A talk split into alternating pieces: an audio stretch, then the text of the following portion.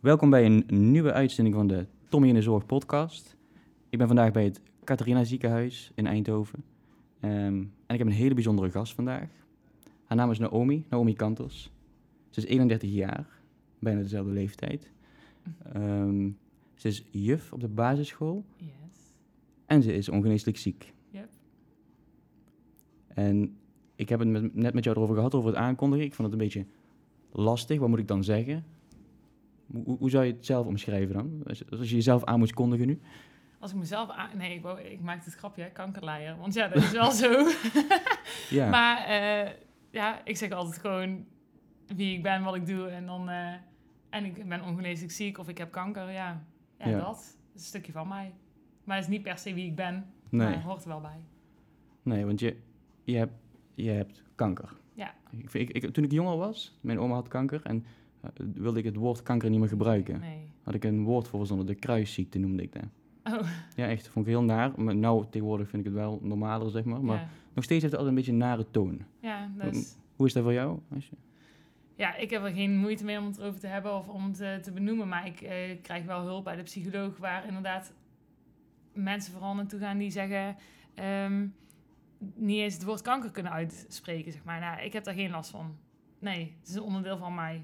Heb Ja. ik altijd zo gevoeld. Maar ik merk wel inderdaad, mensen zeggen de K-ziekte of eh, zij heeft die ziekte. Of eh, mensen willen het er gewoon niet over hebben of niet benoemen dat ze kanker heeft. Ze zeggen inderdaad ongeneeslijk ziek. Ja, dat kan iedereen wel invullen, maar ja. nou, dat is toch wel 9 van de 10 keer kanker.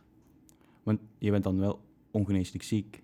Maar je bent ook ongeneeslijk positief, vind ik. Dat hoop ik maar. Dat het nooit weggaat, ja. Ja. Ja, Want is, is dat altijd al zo geweest? Want, wacht, we zullen even teruggaan in de tijd. Ook voor de mensen die nou luisteren. Die, je, vijf jaar geleden? Vertel, vertel maar. Hoe, hoe, hoe, hoe, ging het toen je voor de eerste keer kreeg te horen dat je ziek was? Nou ja, ik ehm, speelde rollerderby. Dus het is eh, een soort van, eh, heel kort door de bocht hoor, rugby op rolschaats voor vrouwen. Mhm. En eh, ik was gaan trainen en toen was ik echt flat, ja, gewoon voorwaarts over de baan geschoven, uit, gevallen. Hè. En eh, twee dagen later, toen zat ik in bed en toen voelde ik een knobbel in mijn borst. En ik dacht nog, nou, dat is van het valpartijtje van de. Ik heb een beuk gehad. Omdat er ook niet bij ons in de familie... eh, sorry Nee, maar niet uit. bij ons in de familie niet voorkomt. En eh, toen uiteindelijk toch maar naar de dokter gegaan. En dan krijg je bij de dokter, bij borsten word je eigenlijk altijd doorverwezen. Word je meteen ge, ges- ges- ja, gescreend. Mhm. Nou ja, en toen kreeg ik uiteindelijk dus die, dat label van, ja, je hebt borstkanker. Hoe oud was je toen? Eh 26. Ja, Dus- als je, maar toen je dat voor het eerste keer te horen kreeg, wat, wat dacht je toen? Nou ja, ik weet dat ik, eh, toen ik, toen ze mij dat vertelde, was ik gelukkig thuis. Ik kreeg thuis, zeg maar, de, de diagnose. Ja, ik heb toen eerst uh, uren gehuild. Toen kwam heel de familie ineens. En toen leek het een of andere afscheidsdienst al, alsof ik al dood was. En daar had ik geen zin in. Dus ik dacht, stik, we gaan dit gewoon aanvechten. En gewoon, eh, ja, overwinnen. En toen ben ik op de een of andere manier in een of andere stand gegaan van zo. En nu gaan we dit, dit, dit stukje eventjes gewoon met de grond gelijk maken. Mhm. En dan, dan is het gewoon weg. Nou ja, En toen, dus die, je hebt toen die diagnose gekregen, daarna ben je ook behandeld. ja. Ik heb een jaar lang behandeling gehad. Ik ben van... eh ehm, ik moet even denken, ja. Omdat ik zo jong was, eh, gaat het over kinderen krijgen. Wil je wel of geen kinderen? Nou ja, want als je chemo krijgt, dan raak je in de overgang. Ik moet daar nog praten. Sorry. Ja. raak je in de overgang. En eh, kan het zijn dat je geen ehm, ziektes meer krijgt. Dus ja, wil je wel of geen kinderen? Nou, dat gaat dan eigenlijk nog voor.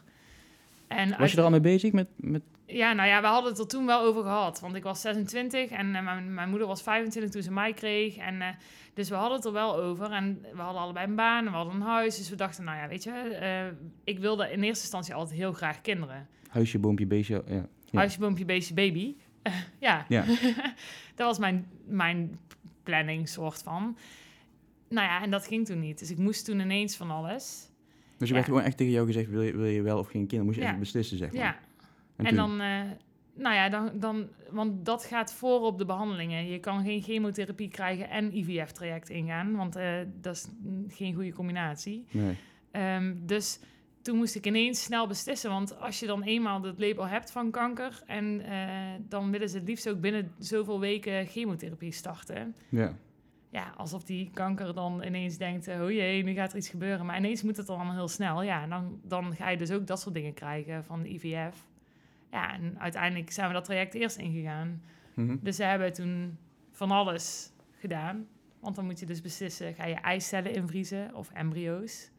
Ja, bij embryo kies je dus ook voor die partner. Ja. Ja, die gaat er niet vanuit dat je uit elkaar gaat. Maar En, en, wat heb je toen laten doen? Heb je echt ook in laten vriezen? ja, we hebben uiteindelijk drie eh ijsbaby's eh, in laten vriezen.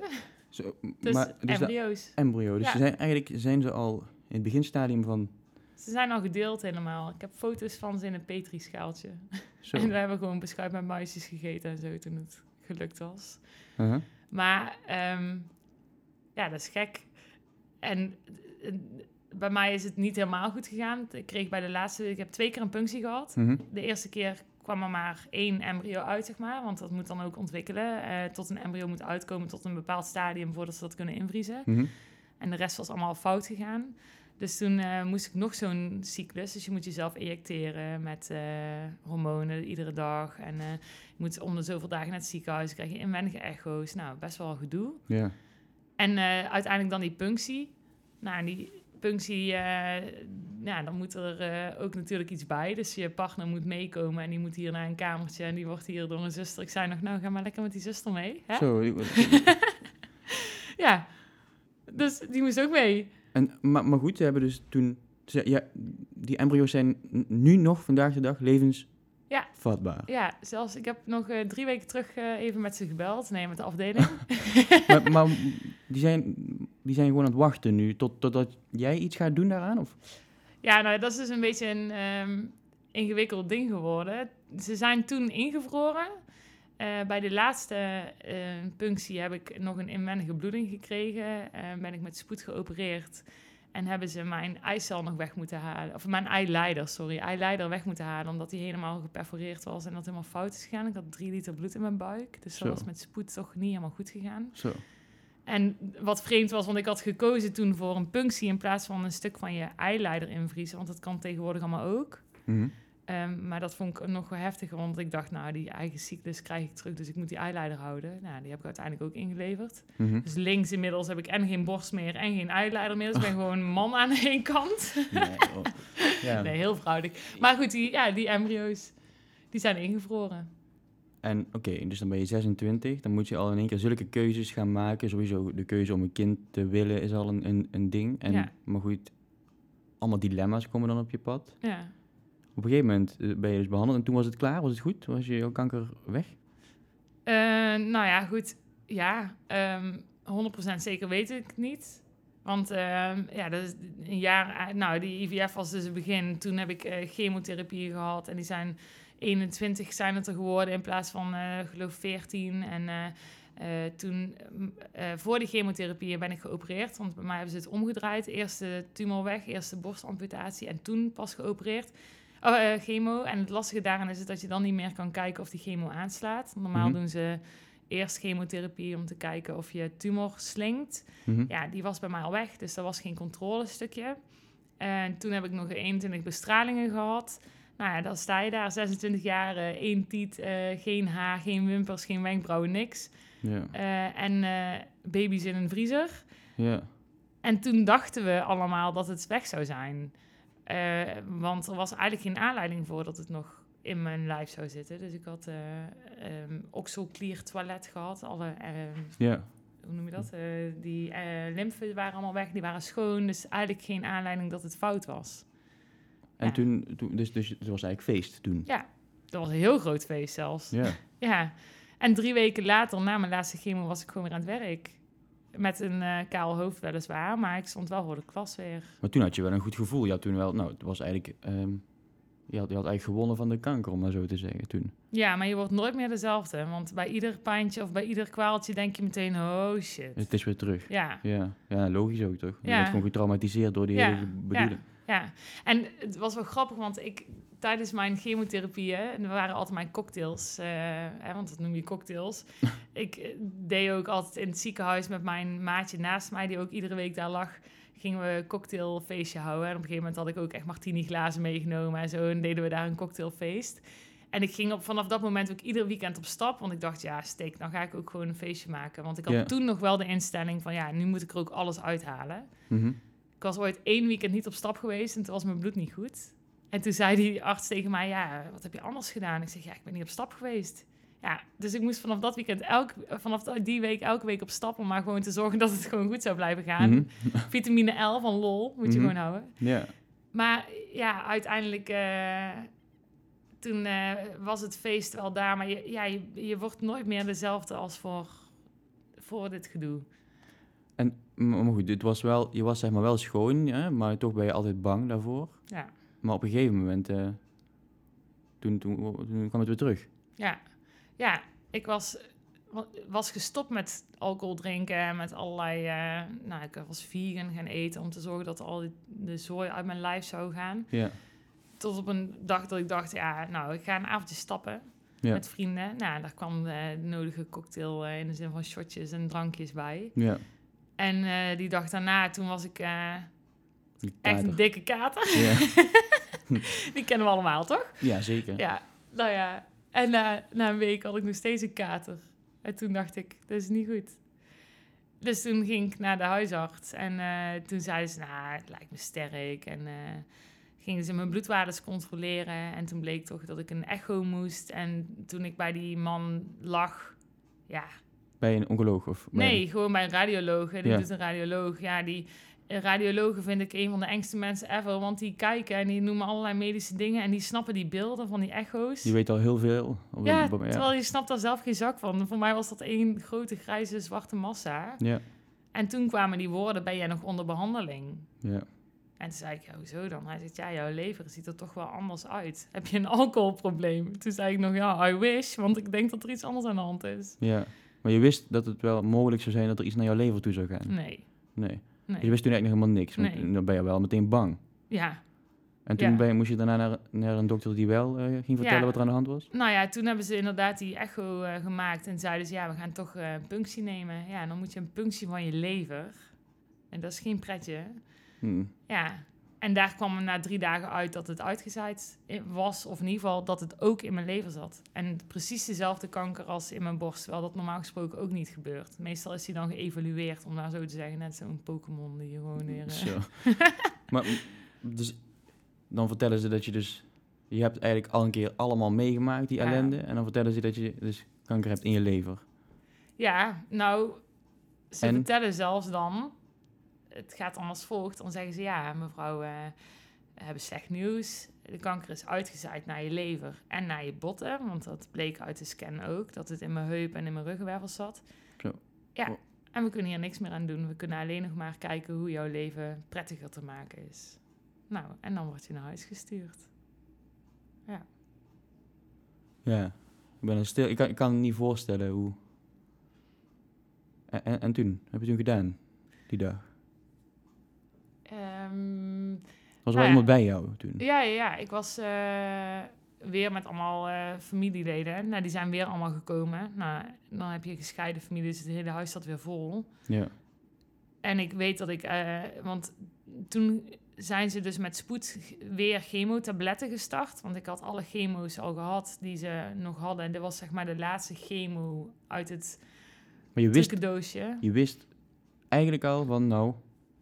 Het is, Het is het is, eind, het is einde Ja. oefening nou. Ja. Maar, Borstkanker uitgezaaid is eigenlijk altijd einde oefening. Ja. en, en toen hebben ze weer... eh, toch levensverlengende chemo dan.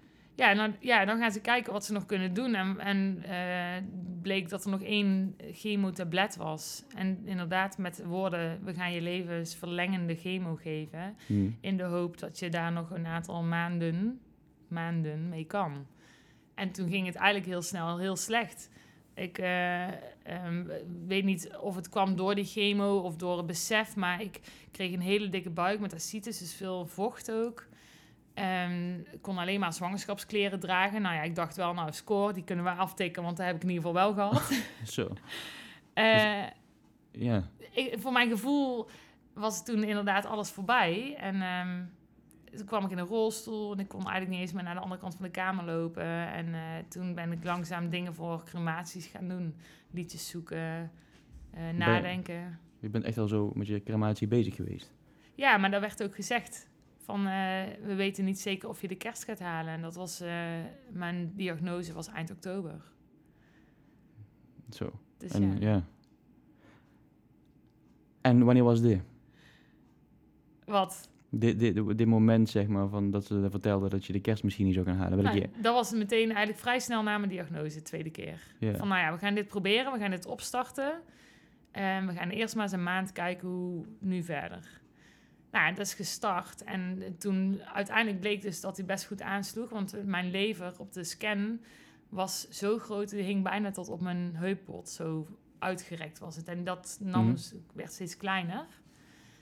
En ik voelde me ook steeds beter. Ik kon steeds meer dingen doen en zo. Dus uiteindelijk zagen we wel op de scan dat, die, ehm, dat het aansloeg. Ehm, ja. Nou ja, en dan krijg je een beetje zo'n ding van... Oké, ja, je gaat dood. Naar... Je voelt je echt enorm kut. Ja, kut, ja. Gewoon super kut is dat toch? Ja. Gewoon kut. Dat is nog maar eens licht uitgedrukt, denk ik, Ja. hoe je dan voelt. Ja. En dan vervolgens naar eh, dat het eigenlijk alweer oké gaat. En dan moet je een soort van je leven weer... Of ga je een soort van je leven weer oppakken. Maar ja, terugkomend namelijk op die embryo's... waar we het net over hadden... Ja. ik kan zelf geen kinderen krijgen.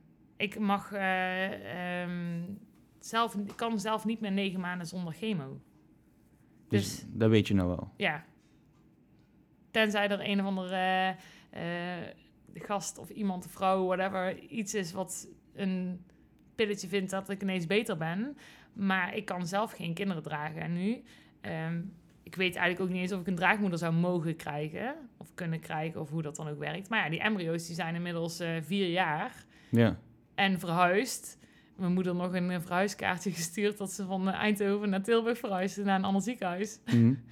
Maar die blijven daar wel liggen. Want ik heb gebeld toevallig nog twee weken terug van ja, hoe lang kunnen die daar nog blijven, zodat daar nog een gezond kindje uit zou kunnen komen. Ja, die liggen daar nog. En dat is ook, we hebben ook vastgelegd, stel dat ik overlijd en Rick, eh, mijn man, wil graag met een nieuwe partner of een draagmoeder die embryo's gebruiken, dan Ja. zou dat wel mogen. Dat hebben we allemaal vastgelegd nu. Wat raar is, want het is wel mijn kindje, zeg maar. Ja. Het zijn mijn cellen. Dus ehm, Jeetje. Dus, maar, maar nu, vandaag de dag, hè, dus, want het moment dat ze zeg maar, tegen jou vertelde, je gaat de kerst niet halen, dat is nou twee jaar geleden. ja, Dus eigenlijk is het heel, heel gek dat je er nog bent, vindt de dokter. Of, of ja, dat had, had niemand eigenlijk verwacht, als, Nee. als dat al gezegd wordt. nee, ik zelf ook echt niet. Maar het is niet, niet weg. Nee, sterker nog, eh, ik heb vorige week nog een slechte bloed, of slechte, slechtere bloeduitslag gehad wel. Eh, het was heel goed, heel stabiel. En vorige week was er ineens, ineens een verslechtering te zien. Ja, nou ja, dan moet je daar weer mee gaan leren dealen. Ja, weet je, op een gegeven moment wordt het een, een onderdeel van je leven. Hè? Alleen, eh, ja, het wordt zo normaal dat het bijna eng is dat het normaal wordt. Ik word ook nog wel eens wakker dat ik denk, ja, ik ben gewoon een pathologische leugenaar of zo. Ik verzin dit gewoon, ik kan gewoon niet. Ja. Maar het is er wel. En het is dus ook nog steeds eh, aanwezig. Ik moet iedere drie weken bloed prikken. Iedere drie maanden moet ik een scan in. Eh, iedere 28 dagen mezelf injecteren. Iedere drie maanden een spuit bij de dokter halen. Eh, twee weken lang chemotabletten, één week niet. Het is gewoon continu in mijn leven. Altijd. Een soort tijdbom of zo. Dat, Ja, nou ja, inderdaad. Ik ga binnenkort een tatoeage zetten met ongeveer diezelfde woorden. Want het is gewoon een tikkende tijdbom in mij. Ja. Ja, Want de, er zijn geen behandelingen, het is nou wat het is, maar die chemo die onderdrukt de boel nu, op dit Ja. moment. ja. Maar ja, wat ik al zei, vorige week die uitslag die dan verslechterd is... ja, dat kan ook betekenen dat die... Ik zeg wel eens, ik weet ook niet of... Hè, als er een medisch iemand luistert nu of, eh, of dit klopt... maar eh, die, ik denk dat die kanker, die wordt op een gegeven moment zo slim... ehm, die kan zich ook tegen die chemo gaan werken. En je lijf kan tegen die chemo gaan werken. Mijn bloedwaarden zijn soms slecht dat ik geen kuur mag. Ja, Mhm. dat vind ik verschrikkelijk. Ik heb liever pillen dan niet. Je kunt mij beter altijd op de pillen zetten. Het zijn echt mijn maatjes, zeg maar, dan Ja. niet. Maar ja, het is nu de vraag of die tabletten nog wel werken. Kun je op een gegeven moment zeg maar, dan resistent worden Ja. voor die tabletten of zo? Ja. ja. Dus, en, en wat was de vervolgstap? Er zijn er nog een aantal andere therapieën, maar de vraag is of dat aanstaat. Ja, dus het is eigenlijk gewoon één grote vraag. Het is gewoon één grote ver- vertiefde situatie. Ja, het is gewoon, eh, ja, Maar als ik jou nou zo, hoe je erover vertelt, ja, ik vind het echt heel, heel bijzonder dat je daar zo over kunt praten. Want ik ben zelf wel eens ooit zwaar op de hand. Hè? En als ik dan jouw verhaal hoor, ja, dan zou ik gaan, zielig gaan liggen zijn in een hoekje, wegkwijnen of zo, denk ik nu. Hè? Maar nee. Heb, Nee. Je, heb, je, em, heb je nooit gedacht van, nou, fuck it allemaal, ik, ik stop met die chemo, laat mij maar gewoon, ik, wil- ik, wil, ik wil niks meer. Heb je ooit gedacht? nee. Nee. Nee. Nee, ik ben wel eens moe dat ik denk, oh man, kan het niet gewoon één dag uitstaan? Kan ik niet gewoon één dag even dit op pauze zetten of stop? Dat ik gewoon even niet continu maar met al deze kankerzooi bezig moet zijn. Ja. Maar ik heb nooit gedacht, ehm, ik stop hiermee. Nee, Nee, dan moet je ook nooit gaan denken. Dat is Nee, een hele slechte gedachte, denk nee, ik. dat gaan we ook niet doen. Nee. Nee. Nee, en ik, ik zie ook wel eens, weet je wel, allerlei eh, mensen in een eh, bepaalde situaties zitten of eh, m- misvormingen of whatever. Ja, Dat, ik, dat ik dan zelfs nog wel eens denk, ja, eigenlijk is mijn leven nu nog best wel mooi en goed. En eh, voor nu, geen idee hoe het volgende week is. Maar nu is het oké en nu is het gewoon prima. Ja, zou ik willen dat het anders is? Tuurlijk. Maar ja, aan de andere kant, jij weet ook niet wanneer je gaat. Dus Nee, heb je gelijk in. ja, kunnen we wel allemaal gaan nadenken van nou, eh, wat als. Maar ja, Ja, dat dus- doe is ook niet continu, de- denk ik. Nee, nee, dat probeer ik zo min mogelijk te doen. Maar ja, dat doen we allemaal, denk ik wel. Maar goed, in, in zo'n situatie, dat weet, je weet natuurlijk nooit hoe ermee omgaat. Hè? Nee, En ehm, het, is, het is gewoon heel heftig. En zeker op jouw leeftijd. Hè? Ik, ik zit dan de hele tijd... Ik, ik heb een kindje gekregen, een half jaar geleden. Hè? Voor mij is het... Ja, dit is allemaal gegaan zoals het is gegaan. En dan denk ik, ja, hoe, hoe, hoe kan zoiets nou, nou gebeuren? Ik kan me niet verplaatsen, zeg maar, of zo. Nee. En, eh, eh, dat is natuurlijk... En dan... Maar ik vind jou ook niet zielig, want jij, doet, je, gaat, je gaat er zo mooi mee om, of zo. Je nee, bent ook daar ook zielig zijn. Nee, maar Nee. Dan, dan denk ik wel die dingen die. Ik, ik weet niet hoe ik daarmee om zou gaan. Ik vind het gewoon eh, super heftig, maar ook inspirerend tegelijk. Dat je zeg maar zo in het leven kunt staan. En als je zeg maar nou terug zou gaan in de tijd, hè, voordat jij iets wist van ziek zijn. Mhm. Als je dan zeg maar toen had geweten wat er zou gaan gebeuren, hoe had je er dan over nagedacht? Was jij toen ook al zo optimistisch en. ehm, of hoe, hoe, hoe- ja, dat is misschien een moeilijke vraag. Ehm, ja, dat is een moeilijke vraag, omdat ik eh, dit nou zo'n stuk van mijn leven is geworden. Maar mensen ervaren mij over het algemeen als heel druk en heel aanwezig en heel erg vrolijk en Ja. altijd maar gewoon ja gezelligheid en zo. Ehm, nou weet ik niet of dit door de chemo komt dat ik me niet kan herinneren hoe ik voordat ik ziek was was. Mhm. Maar als ik vraag aan mijn ouders hoe ik toen was, was ik altijd zo. Ja. Ehm, ben ik nu een stuk drukker? Ik, ik denk van wel, omdat ik wel op de een of andere manier onderliggend altijd voel dat ik ehm, het extra goed moet doen of extra moet genieten of whatever van die andere zooi. Maar ik ben wel altijd zo geweest als ik nu ben. Ja. Het is niet zo dat, ja, het, het verandert je misschien wel, denk ik. Oh, het, het heeft me zeker veranderd. Ja dat, Ja. dat zeker wel. Maar misschien op ander vlak meer. Maar ik denk wel dat ik... ehm, ja, was ik anders geweest? Geen idee. Ja, denk ik wel. Tuurlijk wel. Maar, eh, want ik, ik moet nu bij alles nadenken. Hè? Dat is echt vermoeiend. Ja. En eh dat had ik vroeger minder. Terwijl ik weet dat toen ik net ziek werd, toen, toen zei ik tegen iedereen: Oh, echt, geniet van iedere dag en haal er alles uit. Nou, ik kan je vertellen, nu na twee jaar, ik ben die, die zinnen ben ik kotsbeu. Ik ben er helemaal klaar mee met dat bucketlist geval. En Ja. eh, het is doodvermoeiend als je altijd zo moet leven. Ik raad het iedereen af om te leven met eh, in je achterhoofd dat morgen voorbij kan zijn. Ja. Terwijl soms dat ook heel goed is, maar eh, ja, nee. En, voor- en voor jouw omgeving, hè, want je hebt een man, Ja. je hebt je ouders, Ja. je vriendinnen. Ja. Hoe, hoe, hoe, ja, hoe praat je daar met hun over? Of hoe, hoe is het voor hun, zeg maar? Ik denk dat het voor hun nog tien keer zwaarder is dan voor mij. Want zij staan helemaal eh, eh, ja, naast de zijlijn. Ja, En het lastige ook, wat ik heel erg ervaar, is dat mensen vragen altijd naar hoe het met mij gaat. ja, ja. Zijn we op verjaardagen van wie dan ook, er wordt altijd gevraagd hoe gaat het met je schoondochter, hoe gaat het met je dochter, hoe gaat het met je vrouw, hoe gaat het met je vriendin, hoe is het met Naomi?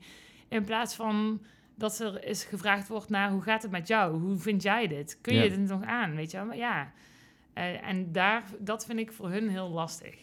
Eh, thuis praten we er wel open over, Eh, het is gewoon zo. Ik weet wel dat eh, praten over crematies is een ding waar iedereen een beetje eh, last van lijkt te hebben. Dat is moeilijk, terwijl ik daar Ja. minder moeite mee heb. Maar ja, zij staan er natuurlijk naast weer, ja. Voor mij gaat mijn telefoon af. Ja, volgens mij ook. Ja, Heel gezellig. ik denk dat ik die even uit moet zetten. Nou ja, goed. Dat weet ik niet.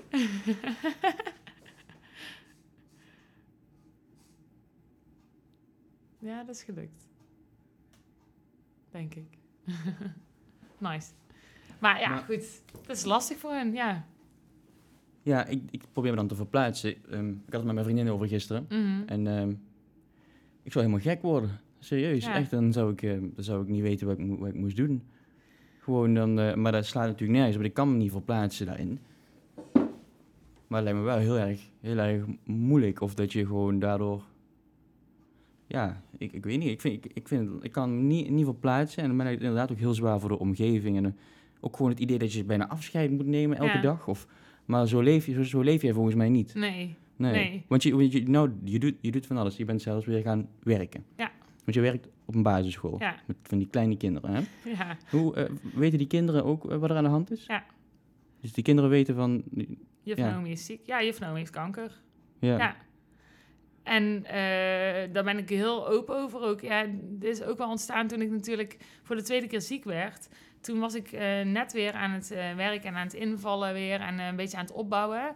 En op een gegeven moment had ik ehm, eh, deels mijn eigen klas. Ja, toen viel ik uit en toen moest er natuurlijk gecommuniceerd worden. Wat is er dan aan de hand? Want iedereen, de, of de ene helft wist dat ik ziek was en de andere helft wist van niks. Mhm. Ja, dan moet er wel een bericht uit van dat eh juf Naomi niet meer naar school gaat komen. Want ik zou eigenlijk niet meer terugkomen. ja. En daar werd toen een beetje ehm, panisch over gedaan. Van ja, hoe gaan we dat vertellen? Terwijl ik gewoon zei, ja, zeg gewoon wat er aan de hand is. Klaar. Eh, maar daardoor ehm, wist ineens ook iedereen dat ik ziek was. Eh, er zijn allemaal gesprekken geweest bij iedere klas. eh, van ja, god, eh, zijn er kinderen die er last van hebben? Mhm. Moeilijk. Nou, ik kreeg allerlei tekeningen natuurlijk thuis en zo. Nou ja, en wat ik al zei, wat jij zei, ik ben nu gewoon weer drie dagen aan het werk heel veel, zeker de kleintjes, de kleuters en groep drie, die komen wel eens naar mij toe en die zeggen: Juf, ben je nog ziek? En hoe gaat het met je? En ben je al beter? En voor hun ben ik beter, want ik zie er niet ziek uit. Ja. Eh, er, zijn zelfs kin- Oeh, er zijn zelfs kinderen die vragen aan mij: Ja, eh, weet je nog toen jij doodging? Eh, ja, toen had ik een tekening voor jou gemaakt. Maar nu ging je niet meer dood. Mag ik die tekening dan terug? nou, dat soort dingen, weet je wel. Ja, nou, geniaal. Ik vind kleuters echt... Ja, ze zijn gewoon direct. En dat is su- super confronterend soms. Ze komen ook naar mij toe en dan zeggen ze... Juffrouw, ik vind het zo erg dat jij kanker hebt. Mhm. Nou ja, ik vind het soms voor hun heel moeilijk. Dat ik denk, goh, shit man, je bent vier jaar. Moet je daar nou mee bezig zijn? Nou ja, ik laat het aan de ouders of ze... De nieuwe kinderen, zeg maar, laat ik aan de ouders of ze vertellen dat ik ziek ben, ja of nee. ja.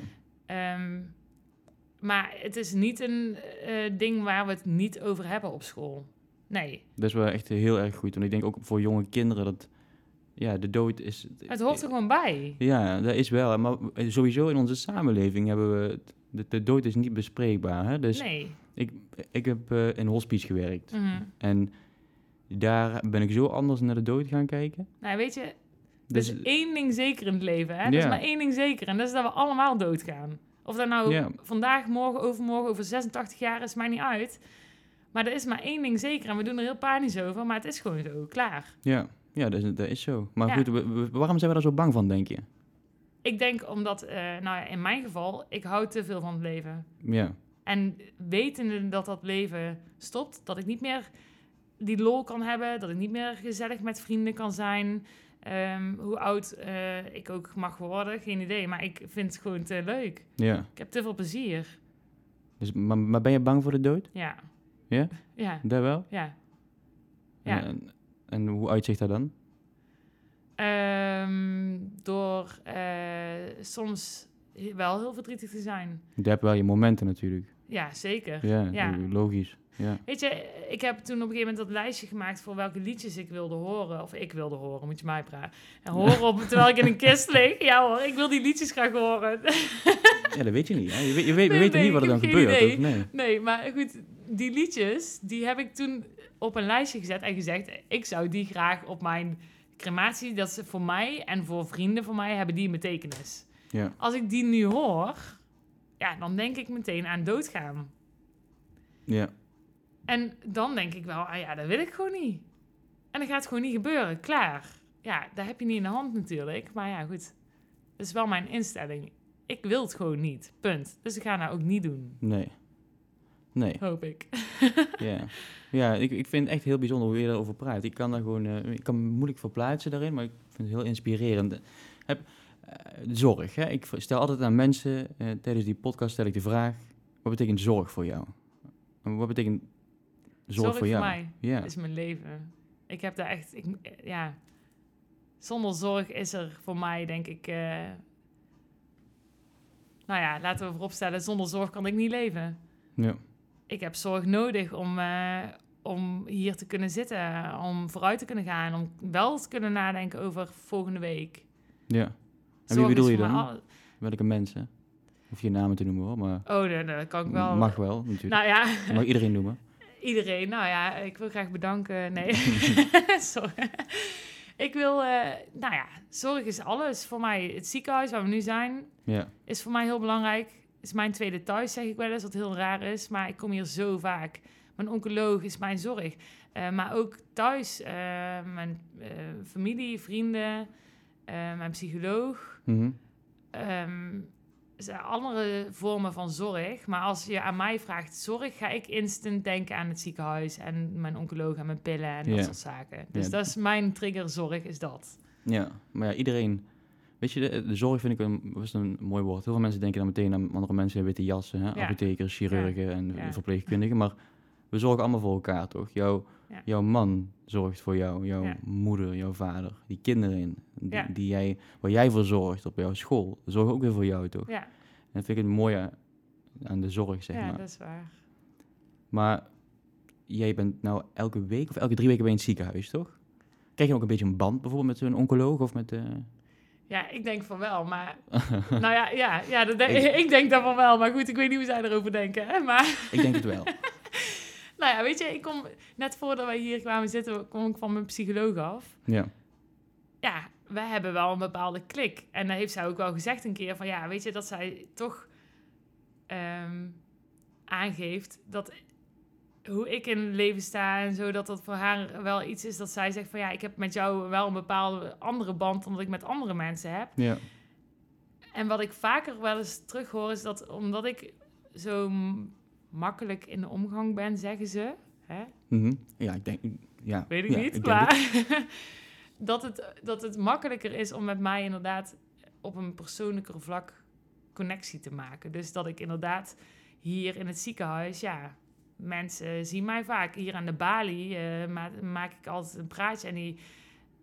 Wat ook heel bijzonder is, is op de een of andere manier een van de prikdames van boven, want ik ga nooit hier op de podium altijd naar boven. Mhm. is heel Bloed- gek. bloed- bloedprik, bloedprikken, ja. ja. Ja, bloedprikken. Die eh, kom ik dus nu ineens overal tegen. En laatst zaten we in de bioscoop.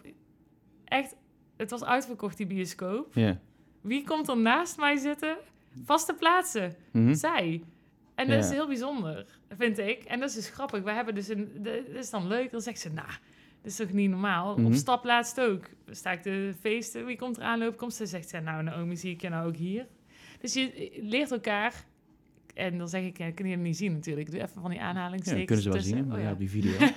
maar ik, tussen aanhalingstekens, ja. Maar je dus leert elkaar krijgt- kennen. Ja. En dat is, ook, dat is ook een mooie ook, toch? En het zijn allemaal mensen. En dat is ook voor Ja. een psycholoog. Dat die, met sommige mensen heb je gewoon meer een klik. Ja. Ja, dat Ja. merk ik tijdens mijn werk ook. Sommige mensen heb je gewoon meer... Dat is ook, we zijn allemaal mensen, toch? Ja, Sommige mensen hebben ook geen klik. Kan ook zeker gebeuren. weten. Ja, dat bestaat ook natuurlijk. Ja. En het is wel mooi dat je juist die mensen hebt professioneel of niet professioneel, die, Mhm. die, die voor jou zorgen. Ja. En die betekent ook heel veel voor hun, denk ik. Tenminste, als ik psycholoog zou zijn en jij zou tegenover mij zitten en jij zou jouw verhaal doen, Mhm.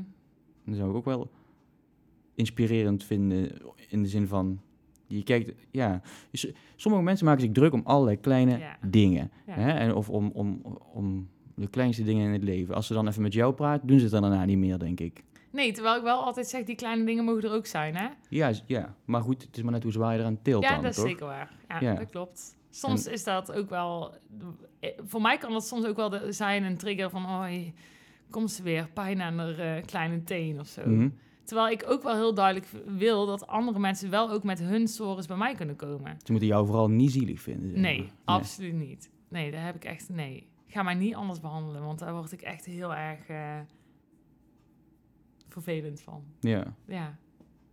Ja. Ja. dat snap ik, want je bent, ja, je bent gewoon nog steeds dezelfde persoon. Alleen wat je meemaakt is gewoon... Ja, er zit even nog iets extra's bij. Ja, Ja, je krijgt bij mij wel ook een hoop kankerzooi over je heen. Ja. Ja, ja, ja weet je, ja, we kunnen eromheen draaien, maar dat, dat is wel zo. Je krijgt er wel een hele hoop zooi bij. ja, Wat ook alweer zorgt voor misschien bepaalde realiteit en op, weer op, op aarde komen. Maar ja, je krijgt er, het is ook wel lastig hoor met mijn leven, want je doet het heel vaak ook niet goed. Vraag je een keer hoe het gaat en dan denk ik, oh, je kop. En vraag je het niet, dan denk ik, hallo, kun je niet even vragen hoe het met me gaat? Maar heeft hij dan te maken met eh, ziek zijn of met vrouw zijn? hey, pas op hè. Misschien allebei wel een beetje en dan bij mij extra. Ja, dat is wel waar. Ik denk ook wel dat het een stukje vrouw-eigen is, dat daar altijd maar gewoon... Maar, maar, maar het blijft ook allemaal normaal. Bijvoorbeeld als jouw eh, man ehm, de, de, de dop niet op de tandpasta draait en steeds zo neerlegt. Word je daar nog boos over? Of zulke dingen? Of kleine dingetjes? Dan zeg ik wel, ik heb kanker, hè. doe even een beetje gewoon... dat maakt mijn leven wat makkelijker. Nee, ja, tuurlijk, die dingen blijven er gewoon. ja. Maar weet je wat ook... Het is ook wel gek, hè, want... Op de een of andere manier, mensen denken dan aan kanker inderdaad aan een patiënt die in bed ligt. Ja. hey, dat gaat waarschijnlijk ooit komen. Dat zal waarschijnlijk mijn toekomst zijn. Ja. Mits ik niet doodgereden word door een of andere truck of zo, weet ik Ja. het. Maar ik weet ook, een paar maanden geleden fietste ik bij mij thuis weg naar de winkel. En ik kwam iemand tegen die mij al heel lang niet had gezien. Ja. Maar die schrok gewoon dat hij mij zag fietsen. En later kwam ik hem op een verjaardag tegen en toen ontweek hij mij een beetje. Toen liep ik daar naartoe. Ik zeg, was jij nou zo geschrokken dat jij mij zag fietsen? Hij zegt, ja, ik dacht eigenlijk dat jij gewoon al in een kistje lag. Ja. Hij zegt, oh, sorry dat ik dit zeg, maar eh, ik zeg, nou ja, dat is prima, want dat snap ik ook wel. Ja. Maar ik wil dus niet dat mensen mij ontwijken of wat dan ook, omdat ik nou eenmaal dat label erbij heb. Want het is echt niet zo dat het alleen maar daarover gaat. Of, maar, en inderdaad, ja, schrik je van mij als je mij ziet, ja, zeg dat dan gewoon, weet je al. ja. En dus, maar ja, goed, dat is makkelijker gezegd dan gedaan. Maar inderdaad, het beeld wat we hebben van mensen die kanker hebben, is vaak al meteen eh, ja, infusie, ziekenhuis en, eh, Ja, en bijna aan het overlijden. Maar er zijn natuurlijk heel veel mensen, waaronder Heel jij, veel. die, Ja. die, die kanker hebben, die gewoon eh, nog gewoon functioneren, zeg Ja. maar. Jij bent zelfs gewoon aan het werk en je... Als ik jou zo zou zien, zou ik dat niet zeggen. Heel eerlijk. thank God. Ja, nee, dan zou ik dat niet zeggen. En dat is natuurlijk ook wel ooit lastig, denk ik. Ja, zeker. Want je, ja, je ziet er niet ziek uit. Nee, en je wordt dan 9 van de 10 keer wel als een normaal functionerend persoon behandeld. Ja. Nou ja, goed, oké, een gezond persoon. Ik bedoel, normaal functioneren is voor mij sowieso een uitdaging. daarvoor al maar niet. daarvoor ook al. Maar je wordt dus behandeld als iemand die niet ziek is. En in sommige situaties is dat lastig. En eh, ik zeg ook wel eens... ehm, ik kan soms boos worden dat ik, dat ik inderdaad... dat er van mij iets verwacht wordt wat niet meer gaat. Of dat ik... Zoals? Ehm, nou ja, zoals ehm, bijvoorbeeld... Of boodschappen doen, een heel eh, grote Nee, kar en zo. Nee, nee, dat lukt me nog wel. Hey. Ik ben nog, wat dat betreft Ah. lukt me dat wel. Nee, maar... eh, Een marathon rennen of zo? Eh, I tried, maar dat kon ik daarvoor ook al niet. Nee, dat zou ik ook niet kunnen, denk ik. nee hoor, Maar wat, dat zeg. wat, kun je, wat kun je nou niet meer? Nou, ik heb bijvoorbeeld wel eens dat ik... ehm, en heeft ook te maken met dat ik wat ouder word, maar... Bijvoorbeeld niet elke week meer stappen. Mhm. Of ehm, na een heftige werkweek, bijvoorbeeld met rapportgesprekken, vorige week, eh, rapporten schrijven, rapportgesprekken. En dan daarna had je eigenlijk afgesproken met die ene superleuke vriendin. Maar ben je gewoon helemaal gesloopt. Wat ieder normaal mens waarschijnlijk ook had. Maar bij mij is dat nog tien keer erger. Ja, dan zeg je af. En dan ehm, laat zo'n vriendin die, die haar reactie is dan, hè, shit, dat vind ik echt vervelend. ehm, kun je niet gewoon toch even? Ja, voor mij gaat het dan even niet, want Nee. het is gewoon even te veel. Als ik in mijn laatste dag van mijn kuur zit, dan is dat nog zwaarder. Ja, en dan wil je wel eens dat er ongeveer inderdaad een label op je voorhoofd staat of hier getatoeëerd van ja, ik heb wel kanker, hou daar even rekening mee op dat moment. Ja. Dus ja, eh, met werken, eh, mensen staan er niet altijd bij stil, wat ik heel fijn vind, want dat is juist wat ik wil. Maar soms is het inderdaad moeilijk om dan aan te geven, ja, maar hoes even. Ehm, ik heb wel chemotabletten en ik ben wel heel erg ziek. Mhm. Dus eigenlijk kun, kun je dit niet van mij verwachten. En dan moet je dat zelf aan gaan geven. Dus soms wil je wel dat label hebben en soms wil je wel dat mensen daar rekening mee houden. Maar er zijn zeker veel meer momenten dat je er eigenlijk liever niet hebt.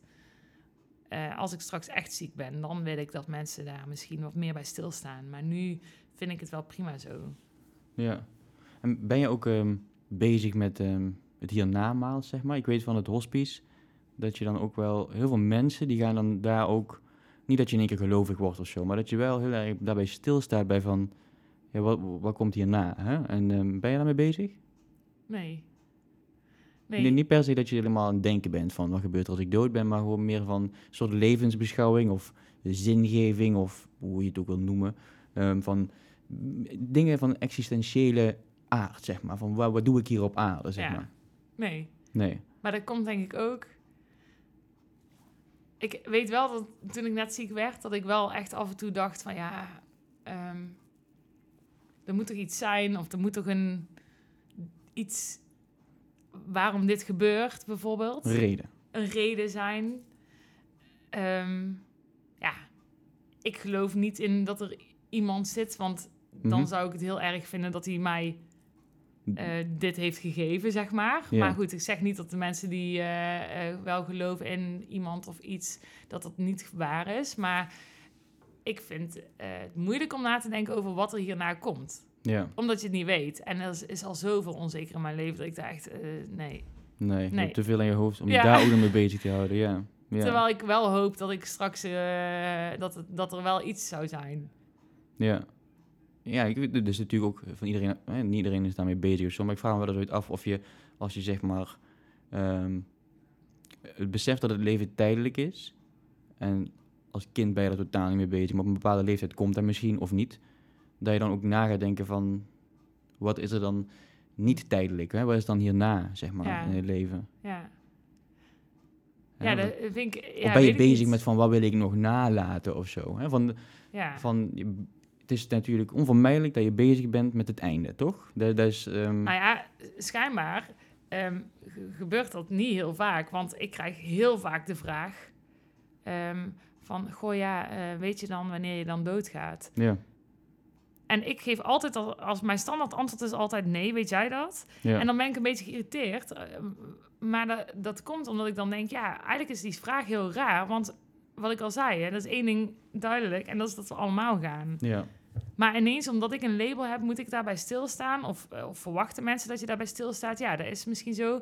Maar eigenlijk zouden we er allemaal wat vaker bij stil moeten staan. Want dan zou het niet zo'n taboe zijn. Dan zou het niet een ding zijn om bezig te zijn met je crematie. Het zou maar zijn dat je volgende week doodgereden wordt en je niks geregeld hebt. Dus eigenlijk zeg ik tegen iedereen nu, denk daar wel vaker over na. Zorg Ja. dat er iets, dat, dat het normaler wordt. Want daardoor is doodgaan denk ik ook wel een eng iets ja, omdat je het niet weet. Maar ja, ehm, wat ik wil nalaten, ik merk wel dat sinds ik ziek ben, dat ik vaker zeg: we moeten een foto maken, of laten we dit vastleggen, of een Ja. tatoeage, of wat dan ook. Ik ben natuurlijk van verhalen om mijn tatoeages. Tatoeages. Mijn hele arm zit vol met kankerverhalen, om het zo maar even te zeggen. ja, Ehm, dus wat dat betreft leef ik wel anders.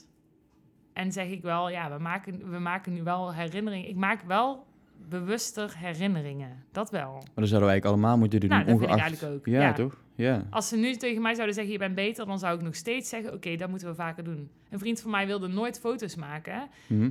En ik heb tegen hem gezegd dat het echt zonde is voor zijn kinderen. Dat ik denk, ja, weet je, die zijn nu klein en die herinneren zich over tien jaar niet meer hoe die vakantie was. Dus die foto's Ja. zijn super belangrijk.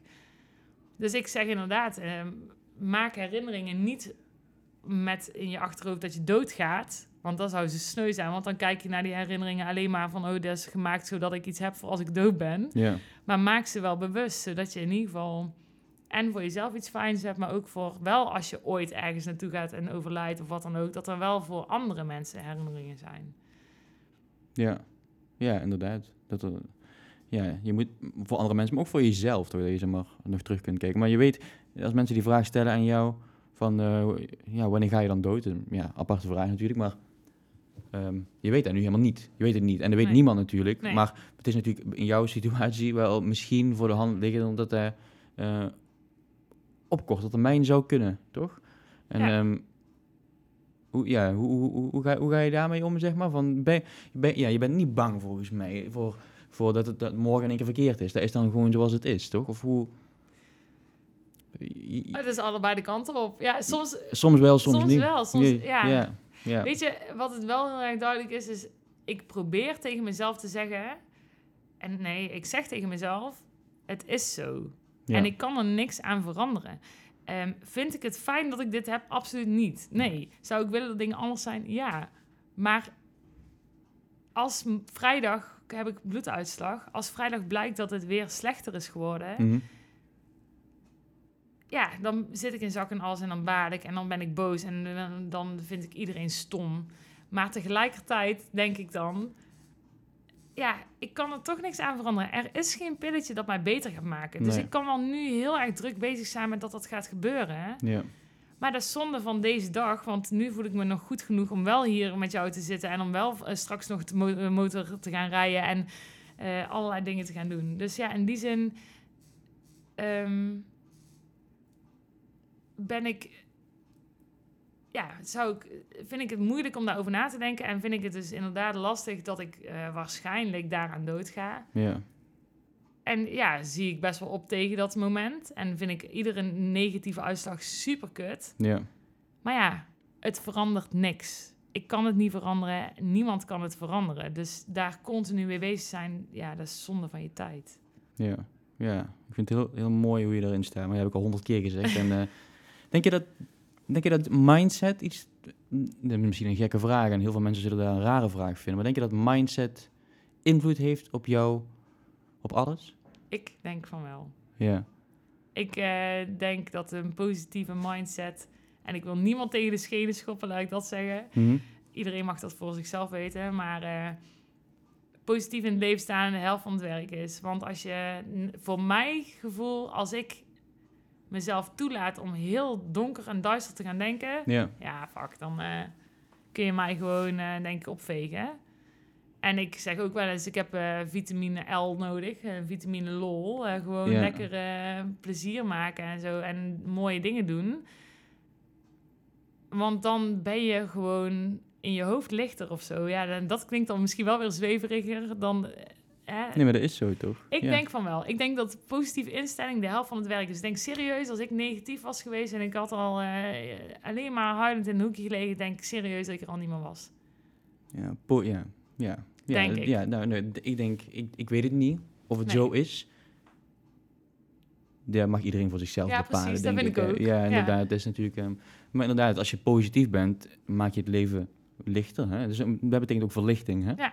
Dus ik ben je Ja. verlicht, want jouw leven is al verlicht. Ja, Als je, als je maar ja, zo, zo positief is wel eh, heel bijzonder. En dat maakt je ook heel bijzonder. En dan kun je denk ik heel veel andere mensen mee inspireren. Want je schrijft daarover, hè? Elke, elke m- maand. elke maand. Ja. ja, voor het ziekenhuisblog. Ik schrijf voor mezelf heel soms wel wat meer. En waar kunnen ze dat vinden? Nou, eh, hoe heet jouw Instagram? Eh, Nou, mijn eigen, mijn, oh, Naomi Kantjeboord. Want het Na- leven is Kantjeboord. Naomi Kantje Boord. Dan kunnen mensen jou volgen. ja, dat denk ik. En eh, via het ziekenhuis is het volgens mij gewoon www.catharinaziekenhuis.nl slash Naomi. Ja? Oké. Oh, simpel. Gewoon En- ja, maar gewoon Naomi Kanters, Google. Ze vinden het waarschijnlijk wel. Ja, als je denkt, de, ja, doe van alles. Naomi Kanters, Naomi Kantjeboord, Naomi Juffrouw, Naomi Kanker met Juffrouw. Ja? Google er maar op los. En ik denk dat je mijn eigen web eh, is jouwweb.nl of zo, ik weet het niet. Ja. Slash Naomi Kantjeboord. Oké. Of Mensen gaan nee. maar ze kunnen mij vast vinden. Ja. Nou, ik denk dat mensen jou zeker moeten gaan volgen. En ehm, ik vind het echt enorm inspirerend, sowieso, om met jou te mogen praten. Heb ik nog vragen? Heb, je, heb jij vragen nog? Of heb je nog iets wat je wil vertellen? Ehm, nee, ja, ik denk niet dat ik per se iets heb wat ik wil vertellen. Nee. Ja, Ga niet leven naar een bucketlist, maar eh, heb gewoon plezier. Punt. Ja. Gewoon doe je ding. Iedereen. Heb je nog tips voor mensen, zeg maar, die, ehm, die ook leven? Die ook leven. Ja. Ja, geniet. Ja. Ja, en vraag, nou ja, heb ik tips voor mensen die bijvoorbeeld wel leven met mensen met kanker in hun omgeving? Bijvoorbeeld? Ja, vraag ook eens een keer naar de mensen die eromheen staan. Ja. Heb daar ook oog voor. Ja, Ja, dat is Ja. mooi. mooi eh, om stil te zijn bij de eh, mantelzorg. Ja. eh, woord, maar dat is natuurlijk wel zo. brede zin. Iedereen. Ja. Ja, ik moet er niet aan denken om die psycholoog te zijn. Die, mijn psycholoog die alleen maar kankermensen begeleidt. Nee. Want toch, je zou maar met al die verhalen naar huis gaan. Ik trek daar gewoon de deur dat ik denk, zo, ik weeg 10 kilo lichter. Ja. maar zij gaat ermee naar huis. Dus ja, ben lief voor elkaar en ben lief voor inderdaad iedereen die voor je zorgt. ja. Iedereen. En mensen die in de zorg werken, nog specifieke tips voor verpleegkundigen, verzorgenden, dokters? Maakt niet uit eigenlijk. Ja, nou ja, eh, ik zou het heel fijn vinden soms dat, we, dat, dat de patiënt niet als nummer gezien wordt. In sommige gevallen gebeurt dat, helaas. Ja. Wat ik ook begrijp, want het is je werk. Eh, en verder heb ik een petje af, eh, wat ik al zei, voor iedereen die erom, ja, die, die mij ooit heeft, eh, die mij ooit in zijn bed heeft gehad, want die hebben een zware taak gehad. Nee, dat valt mee, maar nee, ik eh, blijf praten gewoon en, en ben gewoon eerlijk, weet je wel. Eh, zie je dat iemand eh, eh, ergens last van heeft, ja, vraag dan naar. Of zie je dat iemand heel vrolijk is, benoem dat ook een keer heb je in de zorg een kutdag en denk je, nou, deze patiënt die kan het wel hebben Ja. om tegenaan te lullen, praat dan gewoon. Gewoon persoonlijk zijn, ook als Ja. zorgverlener. Ja, Ja. ben gewoon jezelf eigenlijk. En ik, heb, ik heb ook zusters gehad, om maar zo te zeggen. En eh, een broeder eh, op mijn... Zeg je dat broeder? Is dat nog ja, steeds broeder, zo? zeker. Ja, Ja, toch? Ja, Ja. Broeder, ja, zeggen oudere mensen vaak, maar Ja, maar hoe noem je het dan eigenlijk? verpleegkundigen. Verpleegkundige. of oh, ja, maakt niet uit. Maar goed, broeder, ik vind broeder een mooi woord. Ja, ja. Dus iedereen eh, vindt dat anders, maar ik vind dat mooi. Ja. Ik wou zeggen, je zegt ook zuster. ja broeder en zuster. Broeder en zuster. Nou, die bij mij op de kamer kwamen en die dan even bij mij, niet over andere patiënten, maar wel even kwamen vertellen dat het gewoon een zware dag was. Of Eh, die bij mij kwamen en die zeiden, goh, fijn dat jij jezelf gewoon uit bed trekt en eh, even doucht en zorgt dat wij gewoon heel snel even jouw infuus kunnen los helpen Ja. met omkleden.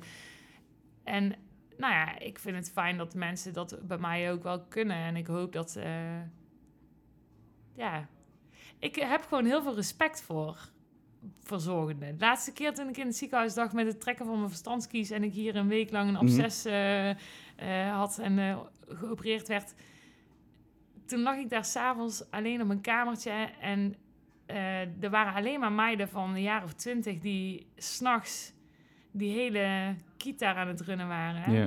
En daar overleed iemand, of in ieder geval mijn deur moest dicht. En de volgende dag, ik kan het dan niet uitstaan, dan moet ik weten wat er is gebeurd. Zij zeiden, je moet even de deur dicht doen. Ja, dat kun je Mhm. wel invullen, denk ik dan. Ik moet dat dan weten. En er was inderdaad iemand overleden. En dat ik, dat ik tegen hen zei, jezus, maar ja, jullie hebben wel echt een verantwoordelijkheid. Hè? Je bent 22 en je staat hier voor... Wat, hoeveel mensen liggen er op zo'n afdeling? Geen idee eigenlijk. Maar je bent gewoon verantwoordelijk in die zin of je Ja. bent aan het proberen te zorgen dat deze mensen gewoon de dag doorkomen. Nou, ga er maar aan staan. Ik vind het echt super knap. En Ja. ik hoop dan dat ik in ieder geval een patiënt ben die dan niet eh, alleen maar eh, zeurt en nekt. En, eh, ik denk het niet. Ik denk dat je een hele positieve patiënt bent. Maar je bent geen patiënt, je bent gewoon Naomi. En ja, die dankjewel. af en toe hier logeert. Ja, Ja. ja, Nou. die af en toe hier in het ziekenhuis logeert. En, eh, ja. ja. nou, dankjewel. En dan Ja, komt een boek ook, toch? ja, er Toch? komt een boek, ja. Ja, oké. maar daar hou je... Wanneer? Daar maar hebben we wel contact over. Ja, er komt goed. een boek met de verhalen, inderdaad. Uiteindelijk, ja. Nou jij ook Hartstikke bedankt. En ehm, voor alle mensen die er hebben geluisterd, jullie ook bedankt voor het luisteren. Ehm, ik vind het nog steeds superleuk om podcast afleveringen te maken. En eh, daar ga ik voorlopig nog wel mee door. En ehm, tot de volgende keer. Yes.